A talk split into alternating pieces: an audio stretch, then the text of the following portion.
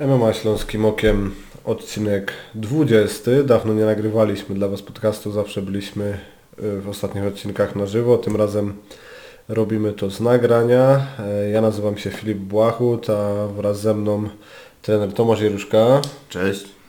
E, Dzisiejszy podcast poświęcimy w całości podsumowaniu gali Babylon MMA 14, która odbyła się w ubiegły piątek. Mieliśmy okazję w środę wraz e, najpierw porozmawiać z Tomaszem Babilańskim, e, następnie korzystając z e, kursów naszego partnera Fortuny wytypowaliśmy zwycięzców walk i wydaje mi się, że nie pomyliliśmy się chyba w żadnej walce. Ty pierwotnie w walce Gumienna Seferowicz stawiałeś na Aldinę, ale to tylko ze względu na mm, mylne, mylne wiadomości, które były podawane przez nawet samego Tomasza Babileckiego. Chodziło tutaj o 10 pojedynków semi-pro, natomiast w wywiadzie z Aldiną wyszło, że tych pojedynków jest y, mniej, a właściwie żadnego semi-pro, to był tylko jeden turniej amatorski i to chyba też nie do końca na zasadach MMA. No, tak jest, to były jakieś nieprawdziwe informacje. Od początku podejrzewałem, że to ta liczba 10 może być przesadzona, ale nie przypuszczałem, że ona jest przesadzona aż o 10, więc myślałem, że, że to takie doświadczenie amatorskie się przełoży. Jak okazało się, że Aldina w wywiadzie powiedziała, że nie, że właściwie to jeszcze nie walczyła, no to zmieniłem szybko swój typ i powiedziałem, że to jednak wygra Róża Gumienna, która no pomimo też skromnego doświadczenia w zawodowym MMA, to ma po prostu olbrzymie doświadczenie wyniesione z tego kickboxingu i zmieniłem typ, no i to właściwie wszystkie walki nam weszły jak, jak złoto na typowaniu. Tak, a e, kartę walki, całą galę rozpoczął pojedynek Marcina Jabłońskiego z Adamem Brzezowskim. Pojedynek wygrany przez Jabłońskiego jednogłośną decyzją sędziów. e, Dwa razy 30-26. e, Jeden sędziów punktował 30 do 25. No, Jabłońskim mówiliśmy o tym właśnie w środowym podcaście, że ten parter będzie po jego stronie, no i wszystkie trzy rundy, ładna kontrola z góry i zasłużone zwycięstwo. No tak, tutaj o Adamie Brzezowskim no, trzeba powiedzieć, że widać, że miał przygotowany game plan wchodzić w bijatykę. Na początku każdej rundy fajnie zaczynał pięściami. Widać, że- te pięści miał ładne przygotowane, mocne kombinacje. Tam widać było, że tak miał, miał w planie iść na mocne wymiany, takie nawet nie zaczynając od prostych, tylko od razu haki, sierpy miały wchodzić w grę, ale nie był w stanie utrzymać niestety dystansu. Tak ruszał z tymi ciosami, nawet mu te ciosy nawet tam fajnie wchodziły, ale bardzo łatwo, zdziwiłem się jak łatwo Jabłoński przenosił tą walkę do parteru. No i pokazał w tym parterze bardzo fajną, ciasną kontrolę, także Brzezowski, który tam się też potrafi kręcić, wstawać, jest taki ruchliwy normalnie z dołu, to tym razem miał tą ruchomość bardzo mocno ograniczoną, tak nie miał żadnego takiego pola specjalnego do popisu i właściwie wszystkie trzy rundy wyglądały, tak jak powiedziałeś, bardzo podobnie. Był na, na samym początku rundy, po, tam, po zadaniu ledwie paru fajnych ciosów, był Brzezowski sprowadzany, no, bardzo łatwo oddawał sprowadzenie, był kontrolowany, nie był w stanie ani wstawać, ani, ani nawet tam niespecjalnie pracował nad jakimś poddaniem, niespecjalnie miał możliwość. Głównie koncentrował się na tym, żeby nie przyjmować jakichś mocniejszych uderzeń, co też mu tam nie do końca wyszło, bo tych uderzeń mu trochę tam nawklejał Jabłoński. A trzeba, ładną tą pracę Jabłońskiego trzeba pochwalić, nie? Fajnie bardzo z góry pracował. Pewnie, fajne obalenie, od razu do kontroli, od razu ustawiał sobie przeciwnika, czy to go kontrolował z gardy, czy tam z półgardy, czy z bocznej. To nie dawał żadnego miejsca na, ani na skręcanie się do jakichś technik kończących, ani na wykręcanie się, podnoszenie do stójki. Do tego cały czas pracował sobie uderzeniami, tak żeby sędzia nie miał żadnego powodu do wznowienia tej walki w stójce. Te uderzenia też fajnie łączy uderzenia pięścią, łączy uderzenia łokciem. Pomimo, że daleki był od zakończenia walki przed czasem, to jednak widać, że no Adam Brzezowski miał rozbitą głowę trochę po tym wszystkim. Widać tam miał, miał guza na czole po tych łokciach, fajnego nachytał tych uderzeń trochę. No i to była taka, no taka dosyć wzorowa praca, wręcz wzorcowa ze strony Marcina Jabłońskiego. Właśnie taka obalić, kontrolować, obijać, nie ryzykować, nie wychylać się, dowieść sobie pewne zwycięstwo do końca. no, kiedy poczuł te ciosy Brzezowskiego w stójce, no to od, wydaje mi się, że nawet ten plan miał na obalenie od początku przygotowany, także nie dał się Brzezowskiemu w jego mocnej płaszczyźnie rozwinąć. No i, i, i tak wyglądała cała walka. Adam Brzezowski zaskoczył mnie jeszcze, bo od, odkąd go widziałem ostatni raz, to tatuaży mu przybyło, widziałem mocno, aż go nie poznałem w pierwszym momencie. Wyszedł mocno obdzierany, z twarzy też się trochę zmienił. Tak widać, że dorósł. No ale musi troszeczkę popracować sobie nad, no, widać, że nad stójką pracował ładnie, chociaż nie było mu dane rozwinąć się w tym pojedynku, ale nad tą obroną obaleń musi popracować mocno i tak jak w parterze potrafi się kręcić, to mega ma problem, kiedy ktoś trzyma właśnie taką ciasną kontrolę, nie potrafił nic zrobić. Na tym też musi coś popracować. No to tak właśnie mi się wydaje, że to właśnie to kwestia tych zapasów bardzo mocno. W sensie i zapasów defensywnych i umiejętności podnoszenia się z zagrożonej pozycji, uciekania do stójki. Tutaj panowie dosyć mocno zaczęli ten pojedynek właśnie, kiedy poszli na taką wymianę i Jabłoński e, chwilowo wszedł w tą grę swojego rywala, natomiast kiedy poczuł, mnie mamy mocne ciosy Brzezowskiego, no to jednak e, stwierdził, że game plan, który pewnie był ułożony dużo wcześniej przez trenerów, musi zostać wcielony w grę, no i zrobił to perfekcyjnie.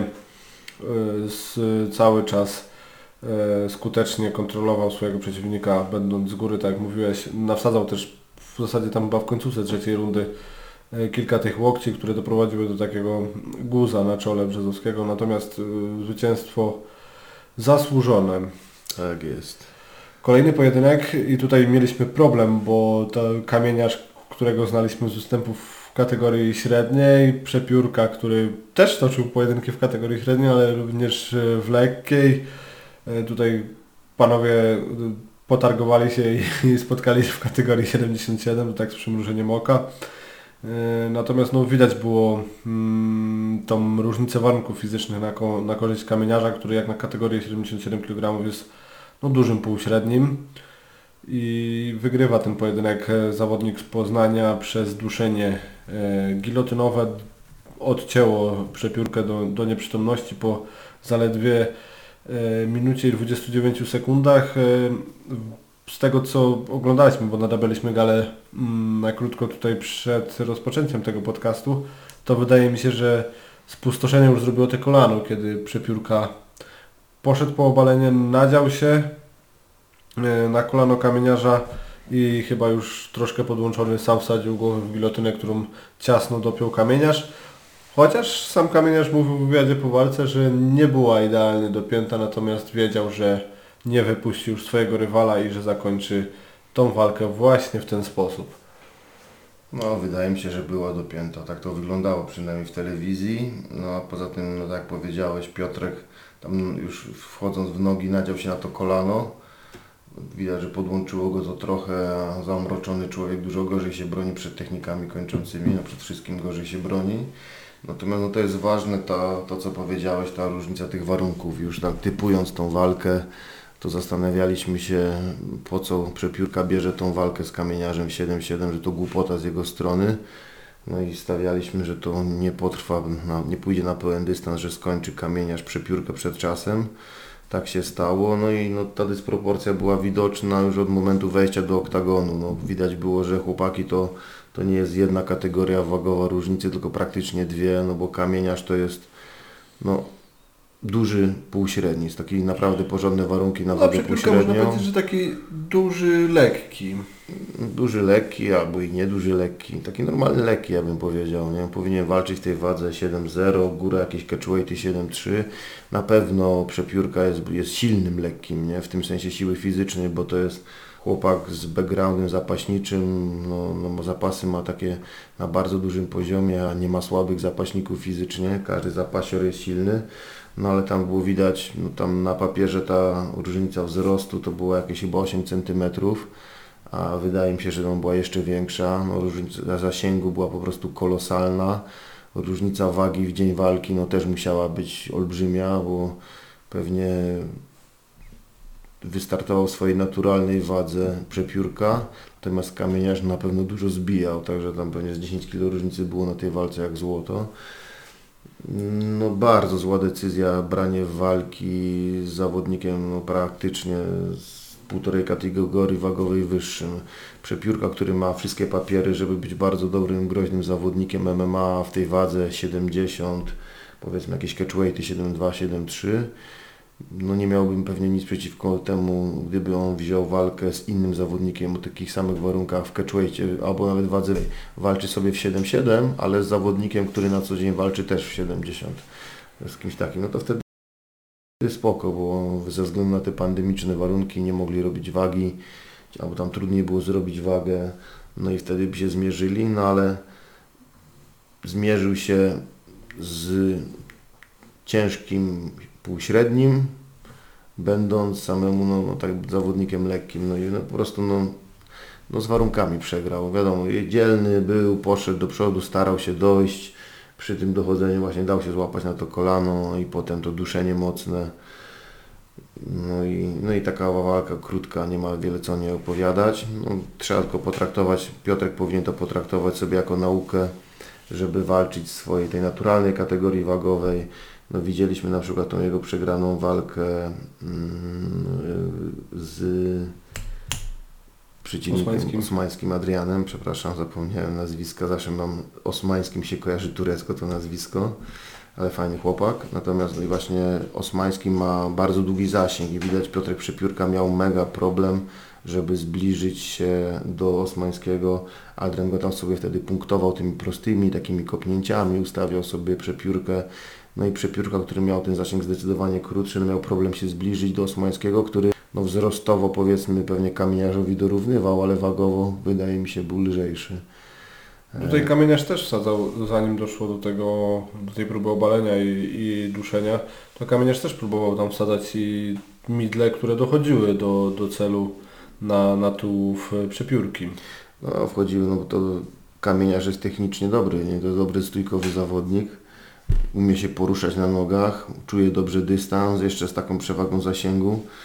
No po prostu no Piotrek Przepiórka no musiał, musiałby trzymać się no, realiów swoich fizycznych i walczyć z takimi zawodnikami mm, jak on, czyli tym około 70 kg i to wtedy będzie naprawdę piekielnie niebezpieczny zawodnik. Przepiórka to jest typ takiego zawodnika, który chyba nie wybrzydza, po prostu bierze to co mu dają. Nawet porównywaliśmy go do Waso Bakocewicza e, w tym podcaście w środę, natomiast e, umiejętnościami na pewno stoi chyba na wyższym poziomie e, Przepiórka. Na pewno zapaśniczymi, tam Wasowi nie chcę ujmować, bo Waso jest taki, te, też ma umiejętności, chociaż ten styl taki bi, biok, taki jest Tak. trochę, to umiejętności ma jak najbardziej. E, nic tutaj Wasowi nie ujmując, tylko właśnie Przepiórka no teraz już zaczyna mieć ujemny rekord i jak się będzie prowadził w ten sposób, no to będzie jak Waso Bakoczewicz, będzie się bił wszędzie, ale, ale potem będzie tych przegranych więcej niż wygranych a jest zawodnik z potencjałem i naprawdę mógłby, mógłby zagrozić no, nawet bardzo mocnym zawodnikom w tym 7-0.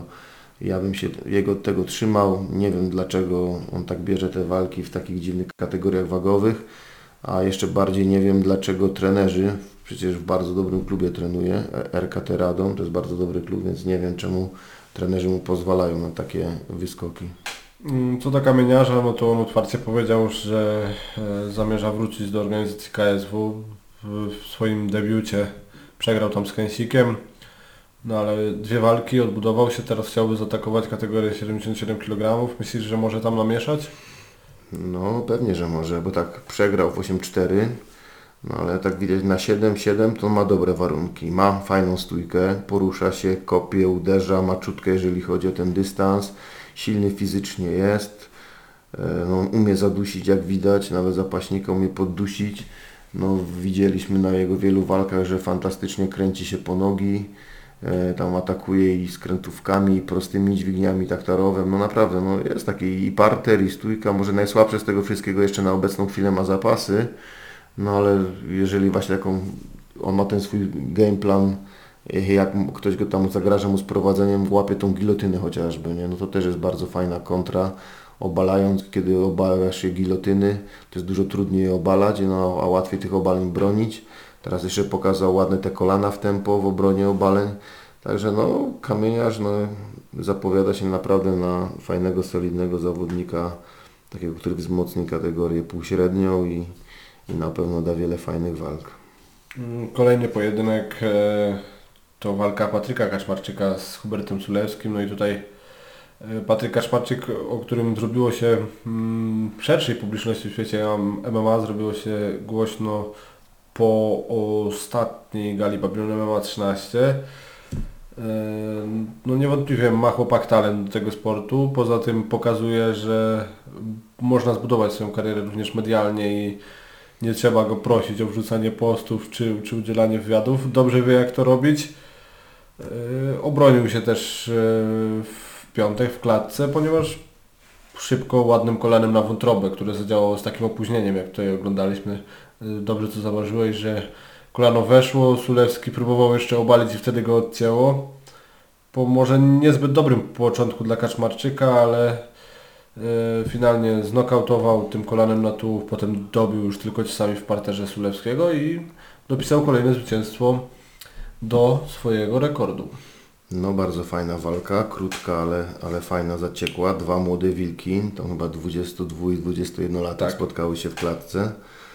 No i było co oglądać. Rzeczywiście na początku Hubert Sulewski poszedł, ładnie zdobył obalenie. E, chwilę miał problemów tam Karczmarczyk z dołu, ale zdołał się podnieść.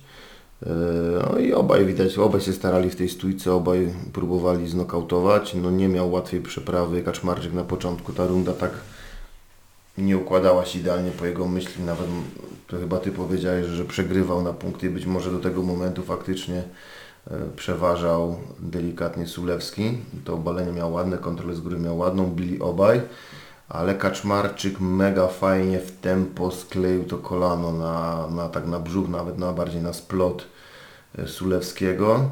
Widać było, że lekko przygięło Sulewskiego, poczuł to, ale właśnie te ciosy takie na brzuch są zdradliwe pod tym, pod tym względem, że czuje się, że się dostało, ale przez jeszcze tam sekundę albo nawet dwie to jeszcze tak nie wchodzi mocno.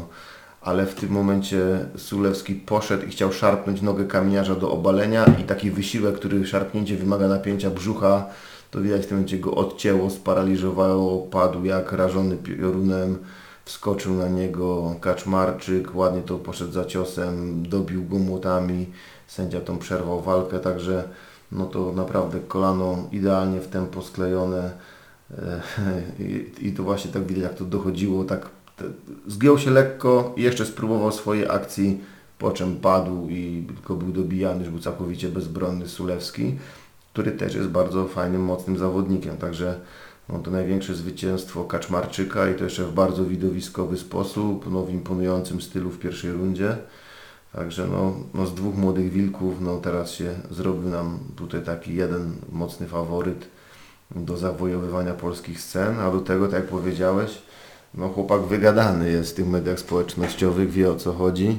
Jest dużo zawodników, którzy no, ich walki mówią same za siebie, ale tutaj i tak jest w wypadku Patryka Kaczmarczyka, ale on jeszcze tutaj potrafi, potrafi dobrze gadać, co będzie mógł się na pewno sprzedać do bardzo dobrych organizacji. Zresztą już tam jakieś zaczepki były i do KSW i nie tylko do KSW. Tak, Patryk Kaczmarczyk obrał sobie mm, za cel Adriana Kempę, czyli Twojego zawodnika. Dąży do tego, aby załatwić sobie no, postawą w klatce. Myślę, myślę, że już sobie załatwił, tylko teraz robi to medialnie, no bo w kolejce jest e, Sebastian Rajewski do Adriana Kempy. Natomiast Patryk Kaczmarczyk robił wszystko, aby wykolegować e, Raja z kolejki i zmierzyć się z Adrianem Kempą o szable organizacji Armia Fight Night. No rzeczywiście, to tak wygląda, że mm, ostatnia gala Army Fight Night no niestety nie odbyła się, odwołana dosłownie na dwa dni przed eventem ze względu na tą epidemię koronawirusa. Na tej gali o pas, e, o, o szablę mistrzowską miał się zmierzyć mój zawodnik Adam Kempa z Sebastianem Rajewskim e, w, właśnie w kategorii wagowej 66 kg i teraz tutaj w tej samej kategorii zabłysnął Patryk Kaczmarczyk i Patryk Kaczmarczyk teraz no, tym takim e, brylowaniem w mediach próbuje wywalczyć sobie walkę z Adrianem Kępą właśnie o tą szablę.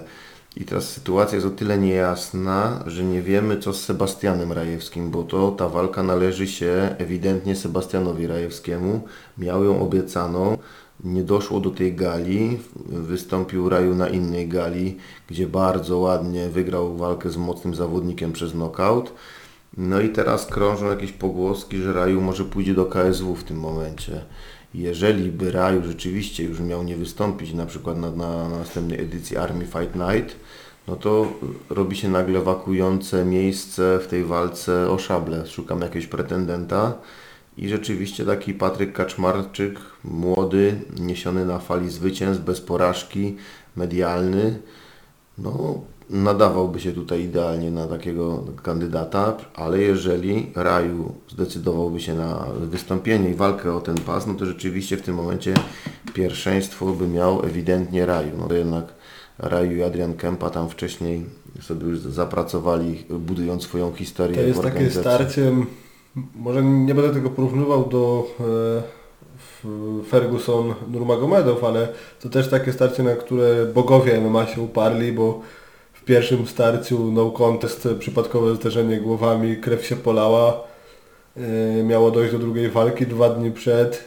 E, gala odwołana z wiadomych powodów, nie będziemy tutaj z racji tego, że YouTube i ich algorytmy banują za, za nazwę tego, co się działo przez ostatni czas na całym świecie.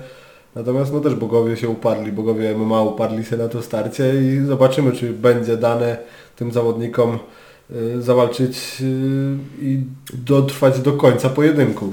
Tak, bo już raz zawalczyli, ale nie dotrwali przez ten no contest. No rzeczywiście, no jest to problem. Są takie walki przeklęte właśnie. Nie? Jest kilka takich walk w historii, które nigdy nie doszły do skutku. Jest kilka takich, które w końcu doszły do skutku i wtedy z drugiej strony najczęściej rozczarowywują. Jeżeli to długo, długo się zbiera, to potem, to potem bywa różnie. No, a były i takie, które doszły do skutku i były fajerwerki w końcu. Nie? Bywa różnie, ale rzeczywiście nad tą walką krąży takie fatum. Trzeba to przyznać i i może być tak, że prędko do tej walki nie dojdzie, a może nigdy nie dojdzie. No i tutaj Patryk Kaczmarczyk czuje swoją szansę. No i szczerze mówiąc mi się to podoba. No jest młody, pewny siebie chłopak, ma widowiskowy styl, jest na tej fali zwycięstw. To, że umie gadać no to bardzo dobrze, że umie pokazać się w mediach to bardzo dobrze.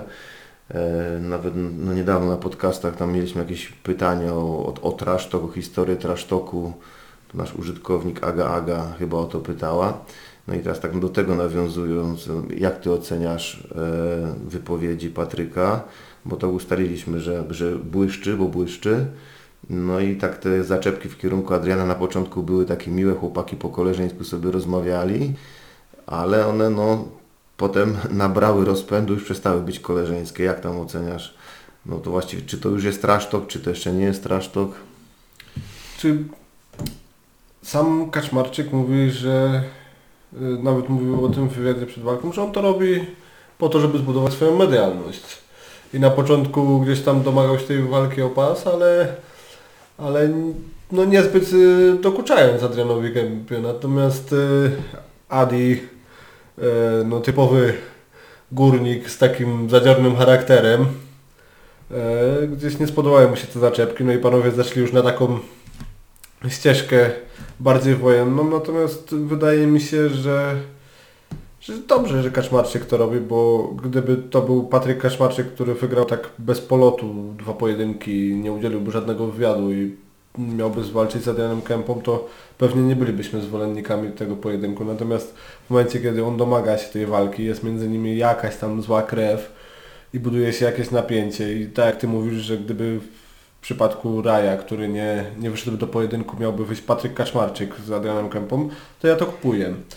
Jestem fanem starcia od samego początku Kempa versus Rajewski, ale jeżeli do tej walki nie dochodzi, to czemu nie Patryk Kaczmarczyk? Myślę, że w jednym i w drugim przypadku e, Adrian Kempa jest takim pewniakiem, mm, że walka będzie dobra i Rajewski i Kaczmarczyk e, są takim drugim elementem tej układanki, że raczej ci panowie w obojętnie jakiej konfiguracji nie dadzą tego pojedynku.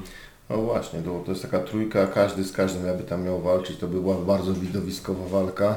Mamy Raja, który widowiskowo nokautuje, mamy Kaczmarczyka, który ma ten taki showmeński styl i bardzo skuteczny do tego. Mamy takiego wybuchowego, eksplozywnego Kempę, który szaleje, jest mało przewidywalny e, i rzuca swoimi przeciwnikami. No tutaj się by mogło wszystko zdarzyć w takich walkach, ale nie odpowiedziałeś mi na pytanie, czy to już jest trash czy jeszcze nie. Nie, myślę, że nie.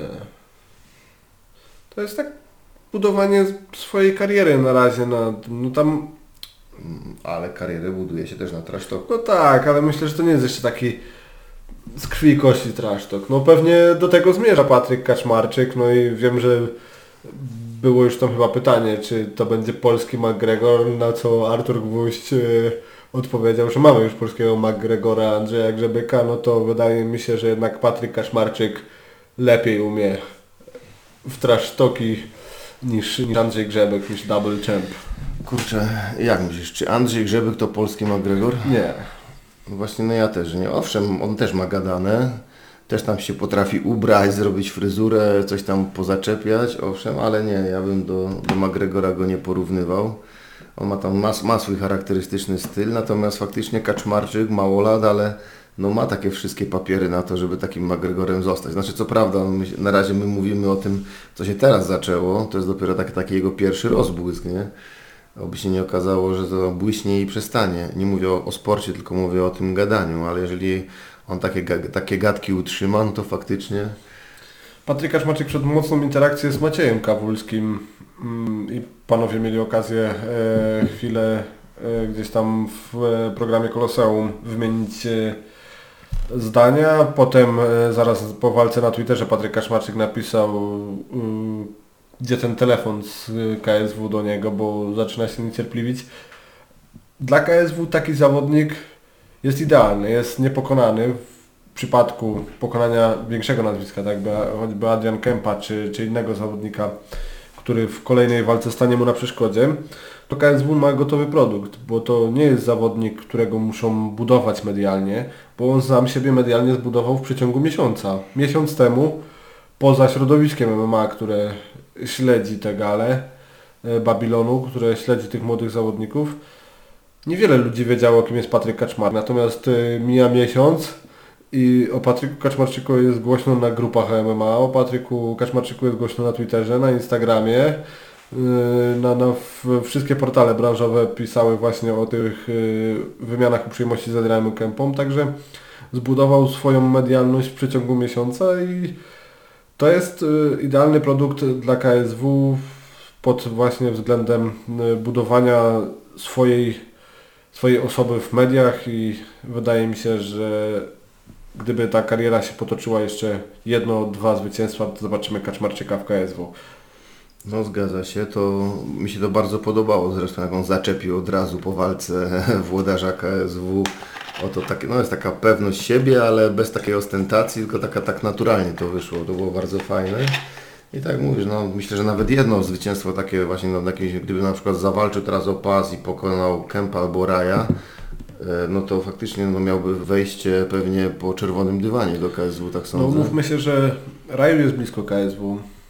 No, już jest jedną nogą, wydaje Myślę, mi się. że jest jedną nogą, tak. Y, Myślę, że gdyby nie ta walka na Babilonie ma 13 i gdyby doszło do tego starcia pierwotnego z Adamem Kempą, to zwycięzca walki y, Kempa Rajski też byłby jedną nogą już w KSW, więc y, to jest teraz znowu taki trójkąt, jak wspominaliśmy wcześniej, że każdy z nich y, w jakiejkolwiek konfiguracji dadzą świetną walkę.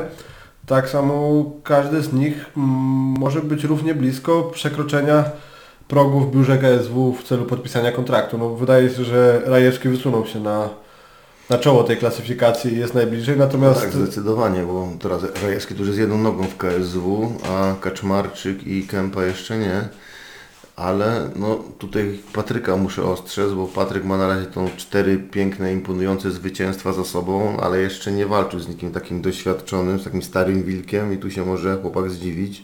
Podoba mi się jego odwaga, ale no występując tam z Kępą czy z Rajewskim, no to on byłby underdogiem i naprawdę ciężko by miał, no e, wiadomo, fajny zawodnik, może wygrać. Chciałbym też zobaczyć, je- jestem w razie czego na tak, jeżeli Beraju miał nie walczyć, to ja bardzo chętnie bym klepnął walkę jego e, z Kępą, ale no tutaj Patryka będę ostrzegał, no mierz siły na zamiary, ciężko Ci będzie, nie? Jesteś dobry, masz szansę oczywiście, ale no, no będzie ciężko, to będzie naj- najtrudniejsze w Twojej karierze, no i może, może być trochę pokłach.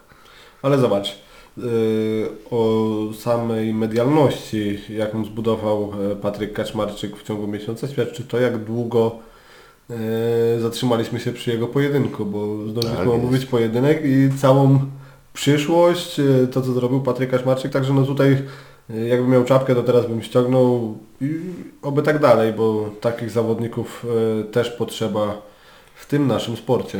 No dokładnie tak, ale jeszcze tak jakbym o, o polskich McGregorach rozmawiać, tak Kornik próbował trochę McGregorować, e, no Grzebyk, no było paru takich zawodników, co tam próbowało troszeczkę tak iść takie McGregorowe rzeczy, ale żaden tak to nie miał do tego takiego drygu, znaczy Grzebek tam ma, ale inny Jeszcze styl ma. Madryk, ale on trochę taką drugą stronę. On medialnie może być dobry dla sponsorów, bo on potrafi się zareklamować, ładnie ubrać.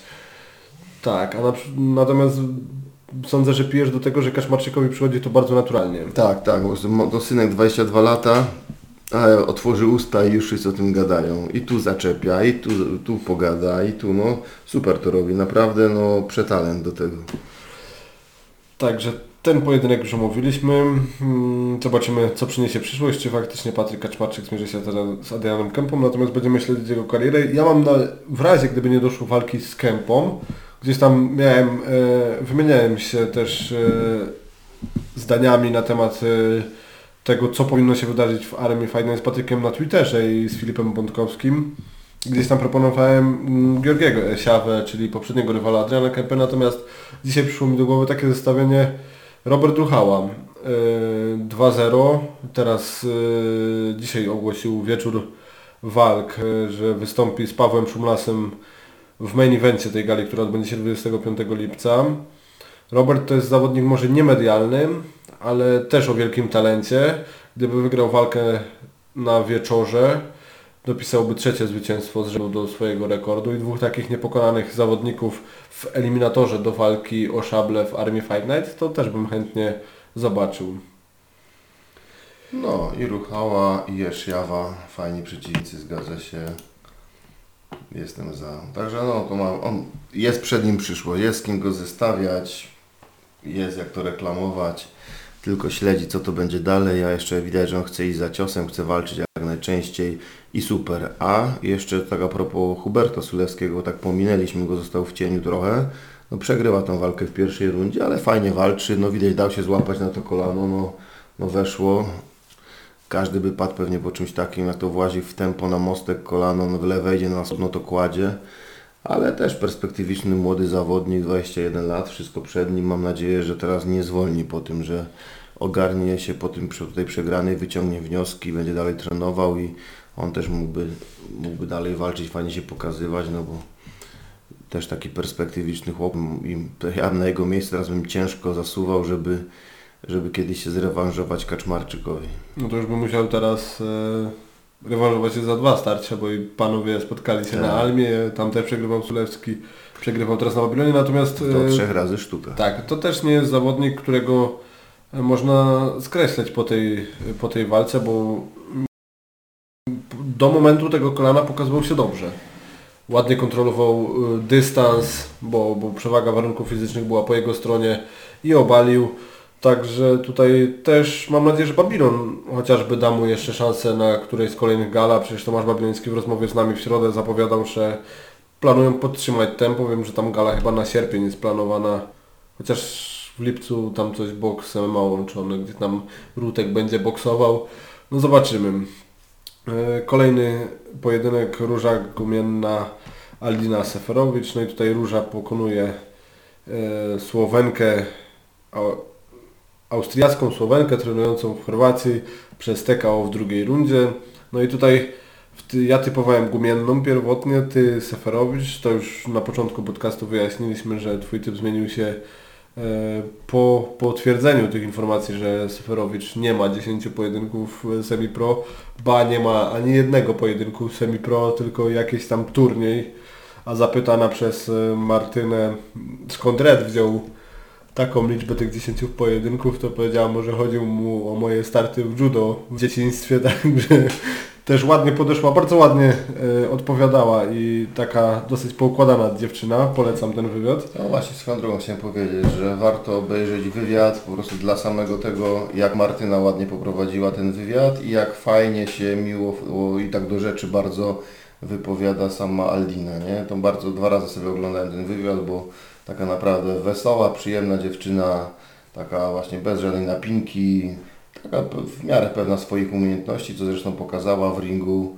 No, warto obserwować, będę trzymał kciuki, żeby dalej było. No i po prostu wywiad, no po prostu świetny. Brawa wielkie dla Martyny. No do samego pojedynku przejdźmy. E, Seferowicz e, nie pokazała się źle, nie przyjechała na pewno po wypłatę. Sprawiła trochę problemów gumiennej. To co mi się rzuciło i mówiłem już tutaj o tym jak oglądaliśmy tą walkę, że przyzwyczajona gumienna z sportów stójkowych z K1, kiedy e, jest wymiana e, za wymianę na podwójną gardę stoi się w miejscu, przyjmuje ciosy. Tutaj była e, zdezorientowana, kiedy Aldina Seferowicz e, nacierała na nią takimi sierpami.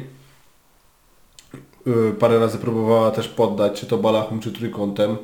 Ładnie obalała Seferowicz, były haczenia, był rzut przez biodro, natomiast dużą robotę zrobiła siła, bo gumienna jest dwie kategorie wyżej, jak się okazało. E, Seferowicz docelowo ma walczyć w kategorii 52 kg. Ona na ważeniu wyniosła 59 pewnie po sytym śniadaniu. Natomiast Gumienna e, ścinała kilogramy, była przewaga wzrostu i to mm, wydaje mi się wpłynęło na przebieg tego pojedynku. Natomiast Gumienna ładnie wychodziła z technik kończących, nie dała się poddać. E, Skończyła walkę ciosami w parterze w momencie, kiedy narożnik krzyczał wstawaj do góry, więc Róża nie chciała wstawać do góry, pokazała, że jest w stanie wykończyć ten pojedynek w parterze, no na mocno zmęczony Szeferowicz. Natomiast przerwanie y, sędziego Tomasza Brondera wydaje mi się, że trochę jest wczesne. No pewnie i tak by Gumienna przegrała, natomiast mógł jeszcze dać chwilkę y, powalczyć, bo te ciosy też nie były jakoś super za mocne gdzieś tam biła tylko właśnie po to, żeby te tempo podtrzymać ciosów, aby, aby sędzia przerwał. No tak jak powiedziałeś, tutaj wyszła ta różnica warunków fizycznych. To jest to samo co w walce wcześniej omawianej Kuby Kamieniarza i Piotrka Przypiórki. E, Aldina Seferowicz no, pokazała charakter, pokazała potencjał, pokazała, że już jakieś tam całkiem spore umiejętności ma. Momentami zaskakiwała i nawet w stójce zaskoczyła raz Różę Gumienną. Pokazywała, że jest w stanie ją sprowadzać, chociaż ma z tym duże problemy właśnie z tymi jej warunkami fizycznymi. Pokazywała w parterze, że też tam jak doszlifuje troszeczkę, ten par- parter jeszcze troszeczkę go poukłada, to będzie niebezpieczna z pleców w tym parterze. No jestem przekonany, że gdyby walczyła z zawodniczką o umiejętnościach róży gumiennej, ale o warunkach zbliżonych do siebie, to by ten pojedynek wygrała, bo tak jak powiedziałeś, tu na początku zaskoczyła tą taką szarżą mocną z cepem, takim bitym z góry weselniakiem, co się w kickboxingu nie spotyka. Dostała to róża gumienna, no twardą ma głowę, jest przyzwyczajona do przyjmowania ciosów, to ją też trochę uratowało, ale widać, że zamiotło ją, to zatańczyła na nogach wlazło jej kilka obaleń, miała takie charakterystyczne właśnie ataki, oplatanie nogą i wywracanie. No technicznie to nie było najlepsze, bo to tam, tam troszeczkę brakowało, ale i tak widać było, że Róża Gumienna jak to wybroniła ze dwa razy takie obalenia, że ostat finalnie to ona się znalazła na górze, to tylko dzięki warunkom fizycznym, bo po pierwsze dłuższe nogi zdecydowanie miała od Aldiny Róża, to jej pomagało, no i silniejsza fizycznie, cięższa była i to ją ratowało i sama też została wszystko obalona. Do tego trzeba bardzo pochwalić Aldinę za ten imponujący rzut przez biodro. W pewnym momencie, kiedy to Róża Gumienna zaszarżowała, chciała wejść ciosami, skróciła dystans, idealnie ją w tempo wyłapała i taką po prostu esencją, esencją, esencję judo pokazała, rzucając Różę Gumienną przez biodro, wykorzystała w ten impet yy, który sama Róża włożyła w ten atak, czyli siła Róży obróciła się przeciwko niej i fiknęła sobie, poleciała na plecy, na nią spadła Aldina. No to była taka kwintesencja judo, ustąp, żeby zwyciężyć, wykorzystaj siłę przeciwnika i jego rozpęd. No to trenerzy judo, którzy tam kiedyś mieli zajęcia z Aldiną, będą dumni za ten rzut. Ale już w parterze po tym rzucie miała olbrzymi problem skontrolować, pomimo że miała pozycję boczną, to to właśnie ty, tym wzrostem, tymi długimi kończynami, przewagą siły fizycznej wymostowała ją bardzo łatwo, przewinęła ją Róża Gumienna i to ona znalazła się na górze. No i mam wrażenie właśnie, że walka z taką ciężką rywalką kosztowała Aldinę dużo siły, że ona gasła w tym pojedynku. Po, po drugiej rundzie już była taka mocno przygaszona, widać było, że siły jej brakło i nawet nie widziałem, żeby to oddech był ciężki, taki, żeby ciężko dyszała, że kardio widać dziewczyna ma dobre, Tylko ta siła. a tylko, że wyczerpała jej się siła. widać te zasoby węglowodanów w mięśniach, no, mocno pracując jej wyczerpały, zaczęła gasnąć siłowo, no i zaczęła ją coraz bardziej Róża Gumienna dominować w ten właśnie siłowy sposób.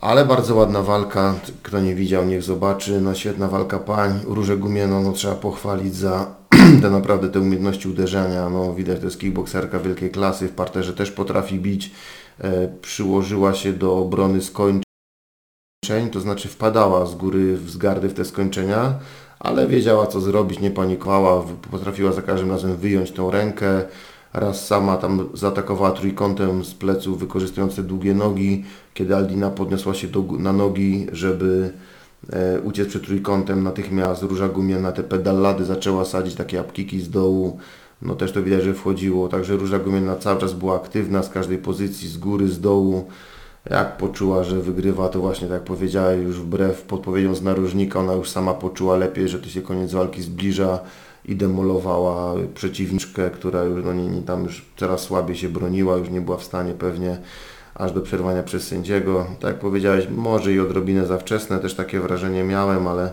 z drugiej strony nie wierzę, żeby zmęczona Aldina jeszcze była w stanie coś tam wyczarować z tych pleców, więc być może oszczędził jej po prostu Tomek Bronder buzie. Zresztą tak szczerze mówiąc, gdybym ja był sędzią, no, też miałbym chyba tendencję do przerywania dziewczyną walk wcześniej. Znaczy, nawet sędziowałem dużo razy dziewczyny, ale to na walkach amatorskich, gdzie najczęściej nie było uderzeń głowy, ale gdyby były, to przerywałbym prawdopodobnie szybciej. Mm, No i, no i co, fajna walka, warto ją zobaczyć. Róża Gumielna dodaje drugie zwycięstwo do swojego zawodowego rekordu, zdobywa trochę doświadczenia. No, pomagają jej w tym wybitnie warunki fizyczne. Pokazuje, wiadomo, fajną stójkę, pokazuje, że te obrony przed technikami kończącymi w parterze ma dobrą.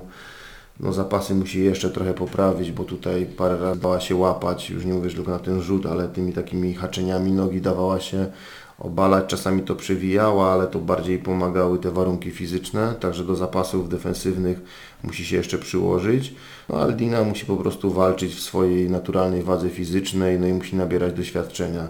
Będzie walczyła ze swoimi rywalkami, widać, że ma papiery, żeby w stójce zaskoczyć, ma te fajne właśnie ataki takie haczące na nogi, rzuty przez biodro, potrafi walczyć z pleców. Tutaj tam parę błędów było, gdyby tam przy tym trójkącie w pewnym momencie nie puściła kontroli głowy, może by to weszło. Tam przy tych balachach też tam trochę błędów robiła, raz za długo ją ciągnęła, nie odpuściła wcześniej i straciła pozycję przez to. No ale takie, to są takie detale, które wyjdą razem z doświadczeniem. No i niech dziewczyna nabiera doświadczenia, niech walczy w swojej kategorii wagowej i będziemy mieli z niej pociechę.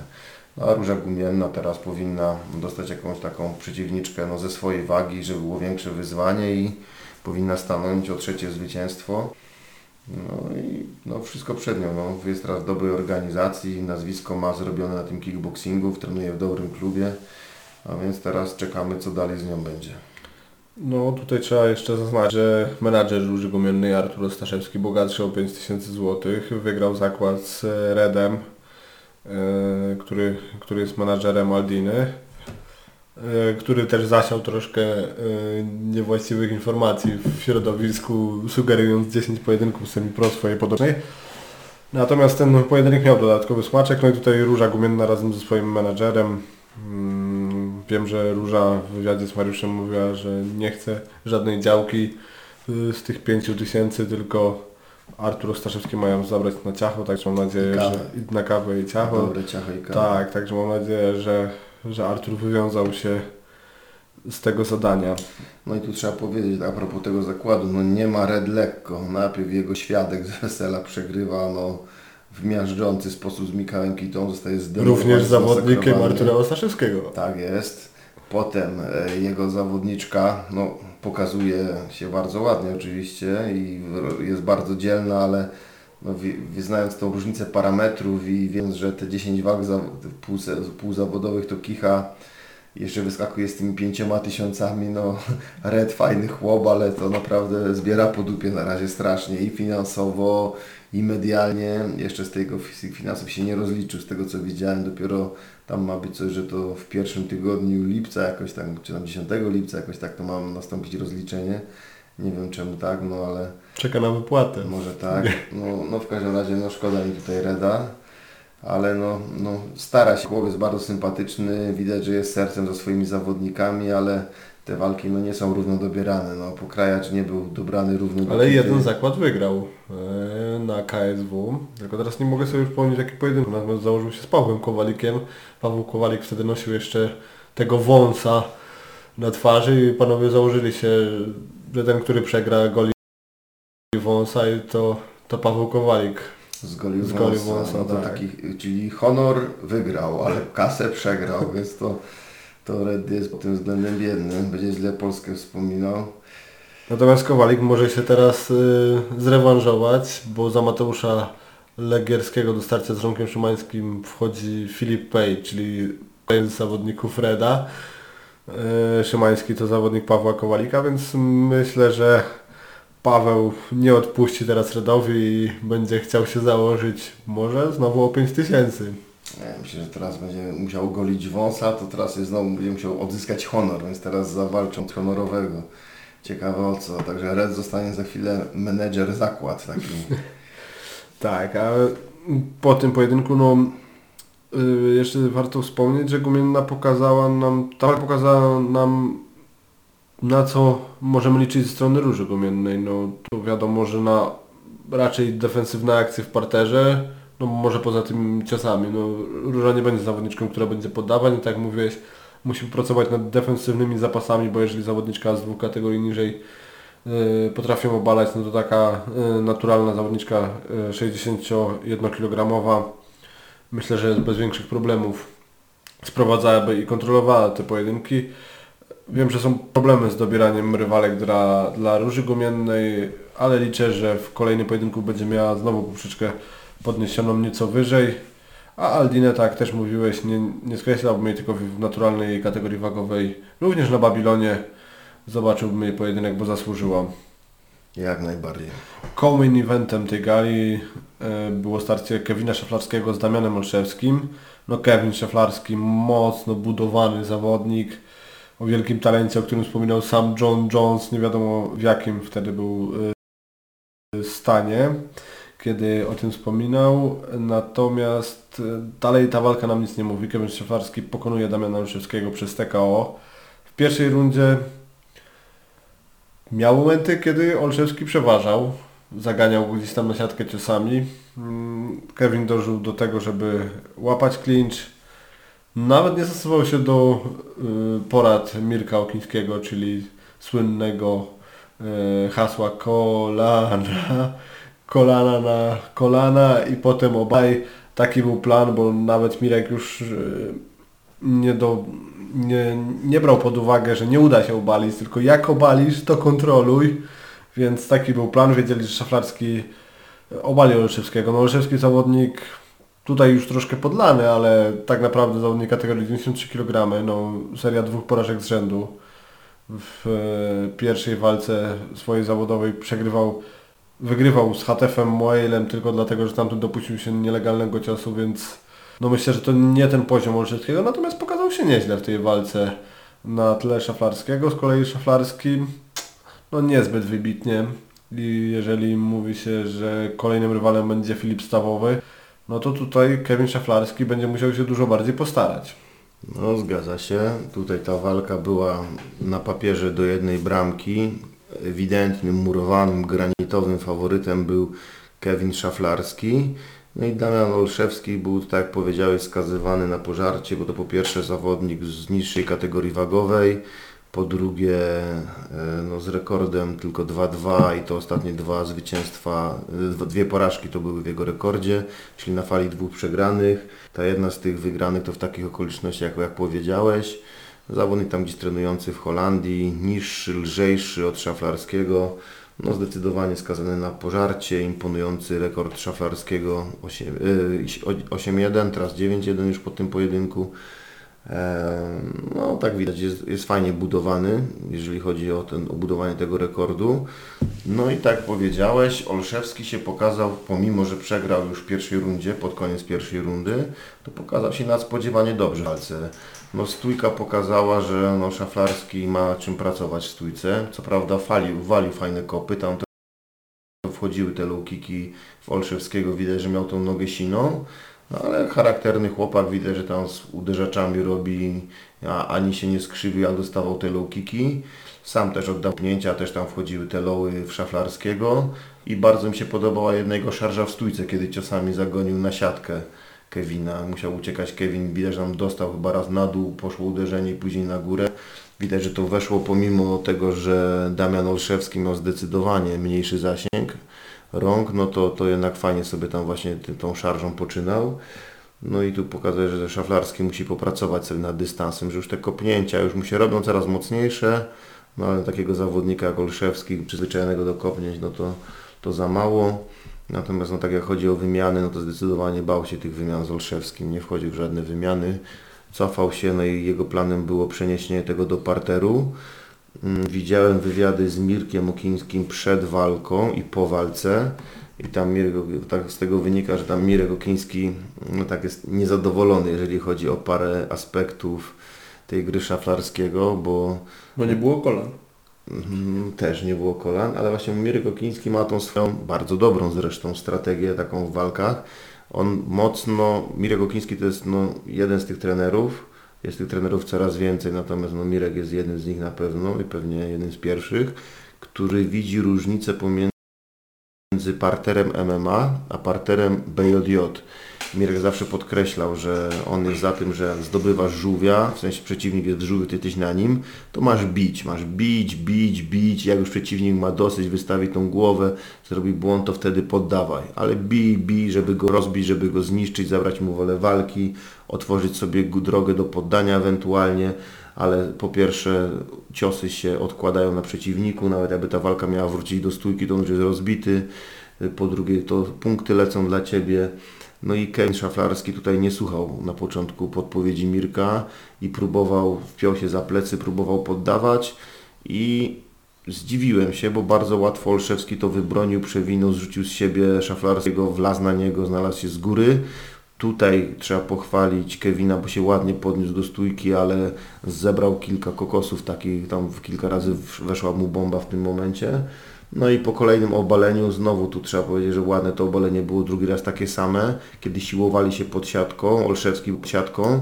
Najpierw e, próbował go wychylić na stronę e, czołową, czyli na stronę czoła, do przodu wychylał Kevina i e, Olszewskiego i kiedy Olszewski się bronił mocno, grając się, p- odchylają, próbując się odchylić do tyłu i w tym momencie rzucał go przez siebie, Kevin właśnie wykorzystując tą, tą siłę idącą w odchylenie. No to bardzo fajne, takie taktyczne, ustawione obalenie. Tutaj tu wielkie propsy dla Kevina za to. No i drugi raz już nie dał wyjść z parteru. Olszew mu więcej bił z tego żółwia, wpiął się, rozciągnął. Widać było, że tu miał mega problemy z tą wagą. Nawet nie, że mu kondycji brakło, bo jeszcze potem widać, kiedy dziękowali sobie po walce, zmęczony nie był, ale po prostu musi być raz, że Kevin jest silny, a dwa, że był wyraźnie cięższy od Olszewskiego. Rozciągnął go tak, że Olszewski już nie był w stanie oderwać tych bioder od maty. No i to już był koniec właściwie. To już była tylko formalność, wykończenie w tym momencie uderzeniami tego. No i tam Mirek podkreślał, że właśnie, że on pracuje nad szaflarskim, żeby on więcej i w stójce i w parterze. No i rzeczywiście trzeba nad tym pracować. Tam widać są te naleciałości szaflarskiego, takie z BJJ-u. Jak powiedziałeś, ta nadchodząca walka ze Stawowym, no jaram się tą walką, będzie bardzo ciekawa. Rozpędzony no, tą serią, serią masy zwycięstw szaflarski. Bardzo mocny graplersko-zapaśniczo kontra bardzo mocno bijący Stawowy. Podobają mi się te uderzenia Stawowego. No, jestem ciekaw, właśnie to będzie taki wielki test po pierwsze stójki szaflarskiego i takedown defense stawowego. Jestem bardzo ciekaw, jak to będzie wyglądało. Ta walka z Damianem Olszewskim no, zaostrzyła mi na to apetyt. tak co do Damiana Olszewskiego, no Jego by teraz zestawić z jakimś takim no, mniej doświadczonym, słabszym zawodnikiem, tak żeby Damian Olszewski mógł teraz pokazać na co go tak naprawdę stać. Na jego miejscu albo pomyślałbym, żeby wrócić do wagi półciężkiej, a jeżeli chce się bić w ciężkiej, no to sobie na spokojnie to zacząć budować z jakimiś zawodnikami, no takimi właśnie no, z jedną, dwoma walkami na spokojnie, z jakimś takim, nie chcę znaleźć kogoś z rekordem 1-1, 2-2, coś takiego na swoim poziomie, bo jestem bardzo ciekaw na co stać tego zawodnika tak naprawdę. Mm, Jakby zaczął się pomału, pokazał, że ma jaja do walki, no ale nie, nie dał rady, tym, te warunki szaflarskiego były dla niego za mocne, w klinczu ta siła, w parterze ta siła, no przeważyły go, ale nie pokazał się źle, podobało mi się, pokazał, że przyjmuje kopnięcia, pokazał, że tam próbuje bić, prób, u- ucieka z parteru, wsadził te bomby, kiedy ten się podnosił, no fajnie się pokazał, także czekam na ich następne walki, nie wiem z kim się zmierzy Olszewski, ale no ta walka ze Stawowym e, Szaflarskiego no zapowiada się mega ekscytująco, jestem ciekaw co to będzie. Walką wieczoru gali Babylon MMA 14 był pojedynek Pawła Pawlaka z Filipem Tomczakiem i tutaj typując ten pojedynek ja mówiłem, że nie wiadomo w jakiej formie będzie Tomczak, ponieważ dwa lata nie walczył. Ty z kolei że no, w jakiej formie będzie Pawlak po tej infekcji. Tak. No i tutaj okazało się, że jednak w lepszej formie jest Pawlak. Y, Systematycznie to, do czego nas przyzwyczaił, czyli te łokcie, kiedy znajdował się w parterze. Natomiast ta pierwsza runda była jeszcze wyrównana.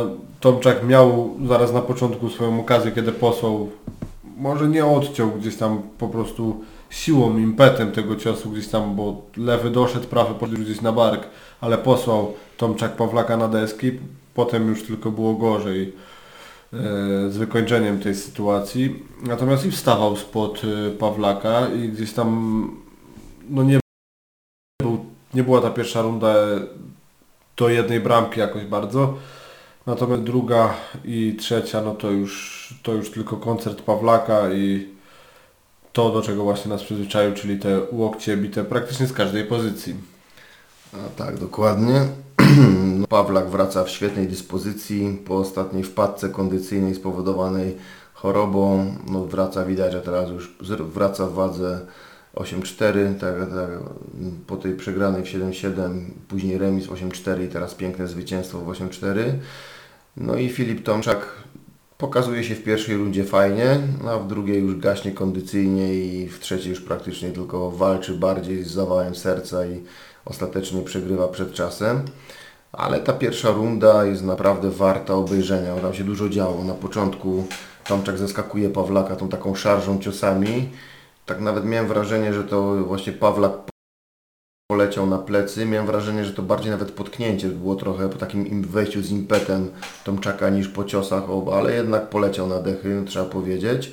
Zaraz się podniósł i tutaj no przedziwna akcja Tomczaka, który wskoczył do gardy niepotrzebnie. No, nie wiem, czy miał jakieś piekielne poddanie na myśli, z pleców wyczarować chciał, czy co zrobić, ale no to był strasznie duży błąd Tomczaka, nie wiem czemu tak zrobił, ale pomimo to ta pierwsza runda była naprawdę ekscytująca, tam mieli obaj swoje momenty, jeden z góry, drugi z góry, ten, ten obalił, ten wstał, ten tutaj zaatakował stójce ten, także dopóki Tomczak miał siłę, to ta walka była ciekawa.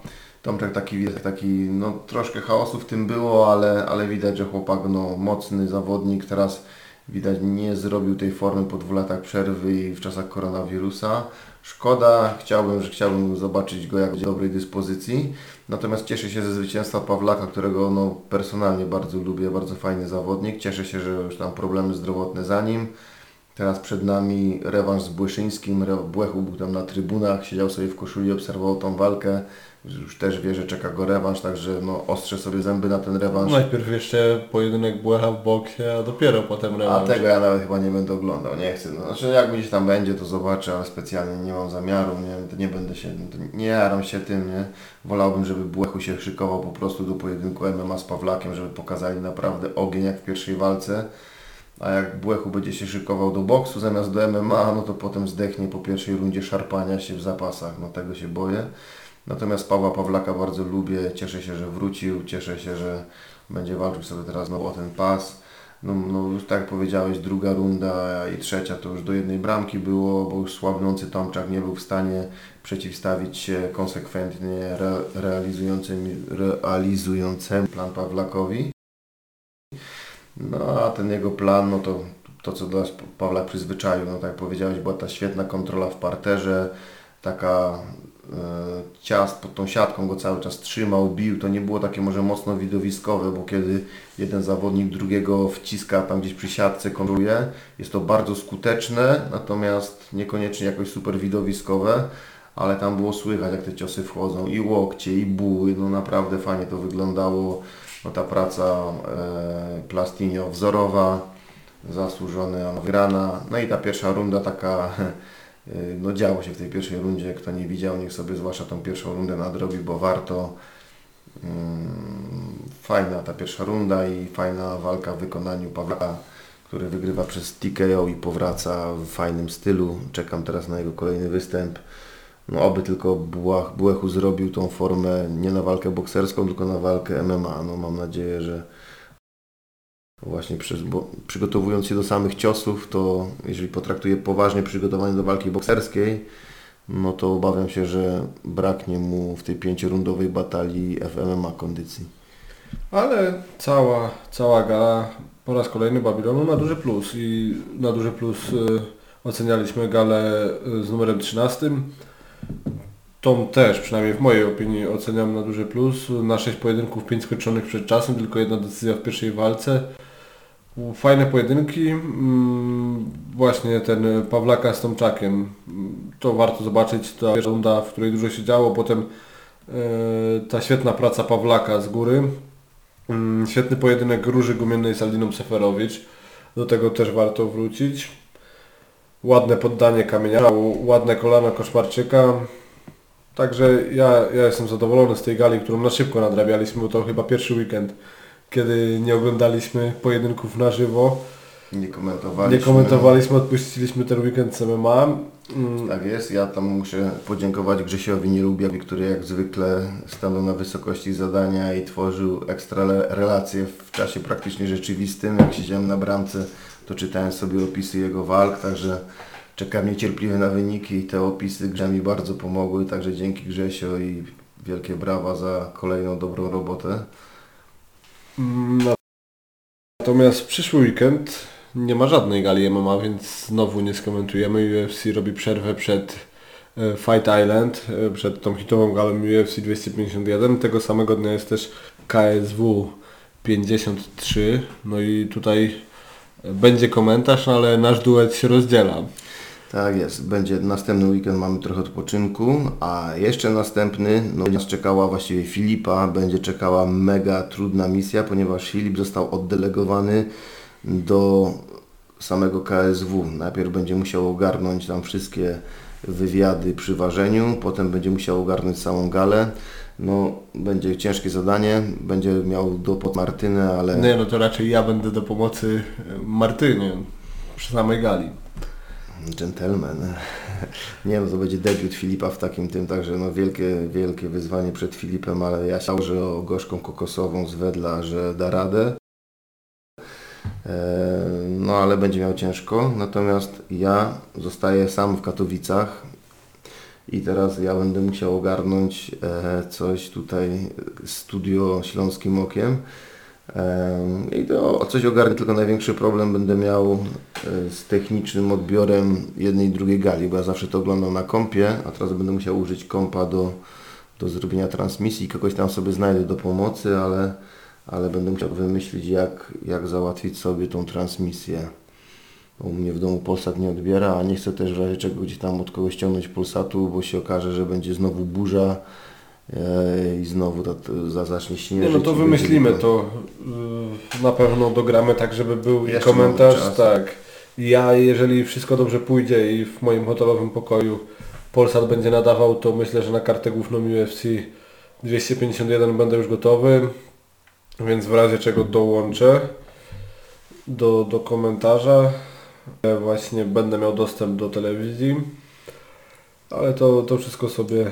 O i o ile tak ogarniesz szybko po tej gali. O ile po ogarniesz szybko po- ko- się po tak szybko nie skończy, się- ten wywiadem tak. ma trwać dwie godziny i to już To będzie... trzeba poskładać, porzucać, no ale to zobaczymy. Natomiast myślę, że wytypujemy sobie jedną i drugą galę w Tak. tygodniu przed. Zrobimy sobie, nawet na dwa podcasty to śmiało można robić, bo jak jeden będziemy nagrywać, to trochę nam zajdzie. Jak sobie przypomnę, jak typowaliśmy galę UFC 249, tak, którą odwołali, tam jak jeszcze Habib miał walczyć z Fergusonem. Fakt faktem, że wtedy robiliśmy to w czwórkę z e, Paulą i z Jackiem, ale zeszło nam chyba z 2,5 godziny na jedną kartę walk. I to chyba samą kartę główną tylko typowaliśmy, a tutaj gdyby przyszło jeszcze... A tam warto powiedzieć o wstępnej, bo i Marcin Tybura jest na wstępnej. No.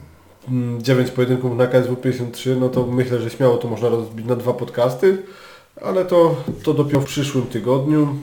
Może tak zrobimy. My to nagrywamy dla Was dzisiaj w poniedziałek, ukaże się we wtorek, a tak. w środę dla Was wystąpi nasza konkurencja z MMA Tonight. E, na żywo pytania i odpowiedzi, także zapraszamy Was też do nich. Będzie na pewno jak to zwykle u nich mega dobrze. E, czyli w wtorek słuchacie nas, tego co my teraz mówimy, środa jesteście z MMA Tonight, a potem my będziemy kombinowali dla Was właśnie typowanie, może jedno zrobimy w formie na live'ie. Możliwe. Myślę, że to jest KSW bardziej No, zrobimy sobie na live, a, a UFC nagramy jako podcast. Też można wziąć, y, pomieszać z Łakami MMA Tonight i zrobić znowu taką kolaborację i wytypować. Y, Pewnie też będzie, będzie może Jacek, mm, z którym możliwe, że w tym tygodniu przygotujemy kilka wywiadów. Także śledźcie nasz kanał na YouTubie, zresztą tam dziennie Coś pojawia się. Dzisiaj jest, pojawił się wywiad z Karoliną Kołkiewicz. Polecam też wywiad z, z Szymonem Kołeckim, który mówi, że nie sprzecza się z Mirkiem Okińskim, bo to nie ma sensu, bo Mirek Okiński jest taką osobą, która będzie wierciła tak długo dziurę w brzuchu, żeby wyszło tylko na jego i tam bardzo ciekawą historię opowiada z jednego z treningów, kiedy e, jeden z trenerów e, siedząc naprzeciwko po jednej stronie sali Mirek Okiński, po drugiej jeden z trenerów e, gdzieś tam przekomarzali się na na jakiś temat i finalnie po godzinie 20 wyszło i tak na, na to, co powiedział Mirek Okiński i to nie tylko dlatego, że, że miał rację, ale po prostu chyba zmęczony był już ten drugi osobnik. tak, jakiś nieszczęsny trener próbował wejść w polemikę z Mirkiem, ale Mirek go zajechał. Tak, także polecam wywiad z Szymkiem Kołeckim, polecam wywiad z e, Karoliną Kołkiewicz, który się okazał no dzisiaj, we wtorek, tak my to nagrywamy. Także spodziewajcie się dobrych materiałów jeszcze w tym tygodniu. No potem już Fight with KSW, więc też na, będzie, będzie sporo tego wjeżdżało. No ja mam nadzieję złapać się z Adrianem Kępową w tym tygodniu i też nagramy e, wywiadzik odnośnie e, bohatera Babilonu A14, czyli Patryka Kaszmarczyka. E, Ten temat na pewno będzie też poruszony, także, także czekajcie. będzie krążyło. A wiesz kogo ja bym zaprosił do typowania? Ja bym bardzo chciał właśnie z Grzesiem Nielubiakiem nagrać typowanie. No to myślę, że to nie problem. Gdzieś przecież jest zakontraktowany już Tak, tak, Śląskim. Okiem, także... Ale to właśnie Grzesio jest mega, mega dobry, jeżeli chodzi właśnie o takie rozkminy, także z nim się będzie Grześ to jest encyklopedia, on zapodyskutować. każdy Tak. rekord z pamięci, także Tak, ale on dobrze czuje te walki, Tak, tak, tak. analizować, z nim się naprawdę fajnie gada o tym, także z nim by pogadać. Oprócz tego Malina ma zaległy występ u nas, tylko że on teraz zajęty. Malina jest przed weselem, także Tak. po ciężkim kawalerskim przed weselem. Jemu na razie darujemy i jak już będzie po weselu, to zrobimy specjalny tutaj podcast, opowie o kawalerskim, o weselu może, ale, ale generalnie nagramy dla Was, postaramy się Grzesia ściągnąć, bo z Grześkiem sobie we trzech naprawdę fajnie pogadamy. Okej, to dzisiaj bardzo szybciutko jak na nas, bo mamy raptem e, godzinę i 8 minut, ale też krótka gala, 6 pojedynków. Jedna krótka Nie gala. obejrzeliśmy UFC, dlatego nie podsumujemy po prostu, żeby nie okłamywać Was, że widzieliśmy i, i będziemy oceniać. Nie widzieliśmy gali UFC, rzadko nam się to zdarza. E, Mam nadzieję, że następne podsumowanie będzie już 83. Ja postaram się to jakoś nadrobić i UFC 251. A, a na dzisiaj no co, dziękujemy. Jeżeli wytrwaliście, a dzisiaj było króciutko, więc, więc myślę, że da, da radę e, przesłuchać nasze podsumowanie do końca. I co, do usłyszenia następnym razem. E, Kłaniam się nisko Filip Błachut, trener Tomasz Jeruszka. Siema. To był 20 odcinek MMA Śląskim Okiem. Do usłyszenia.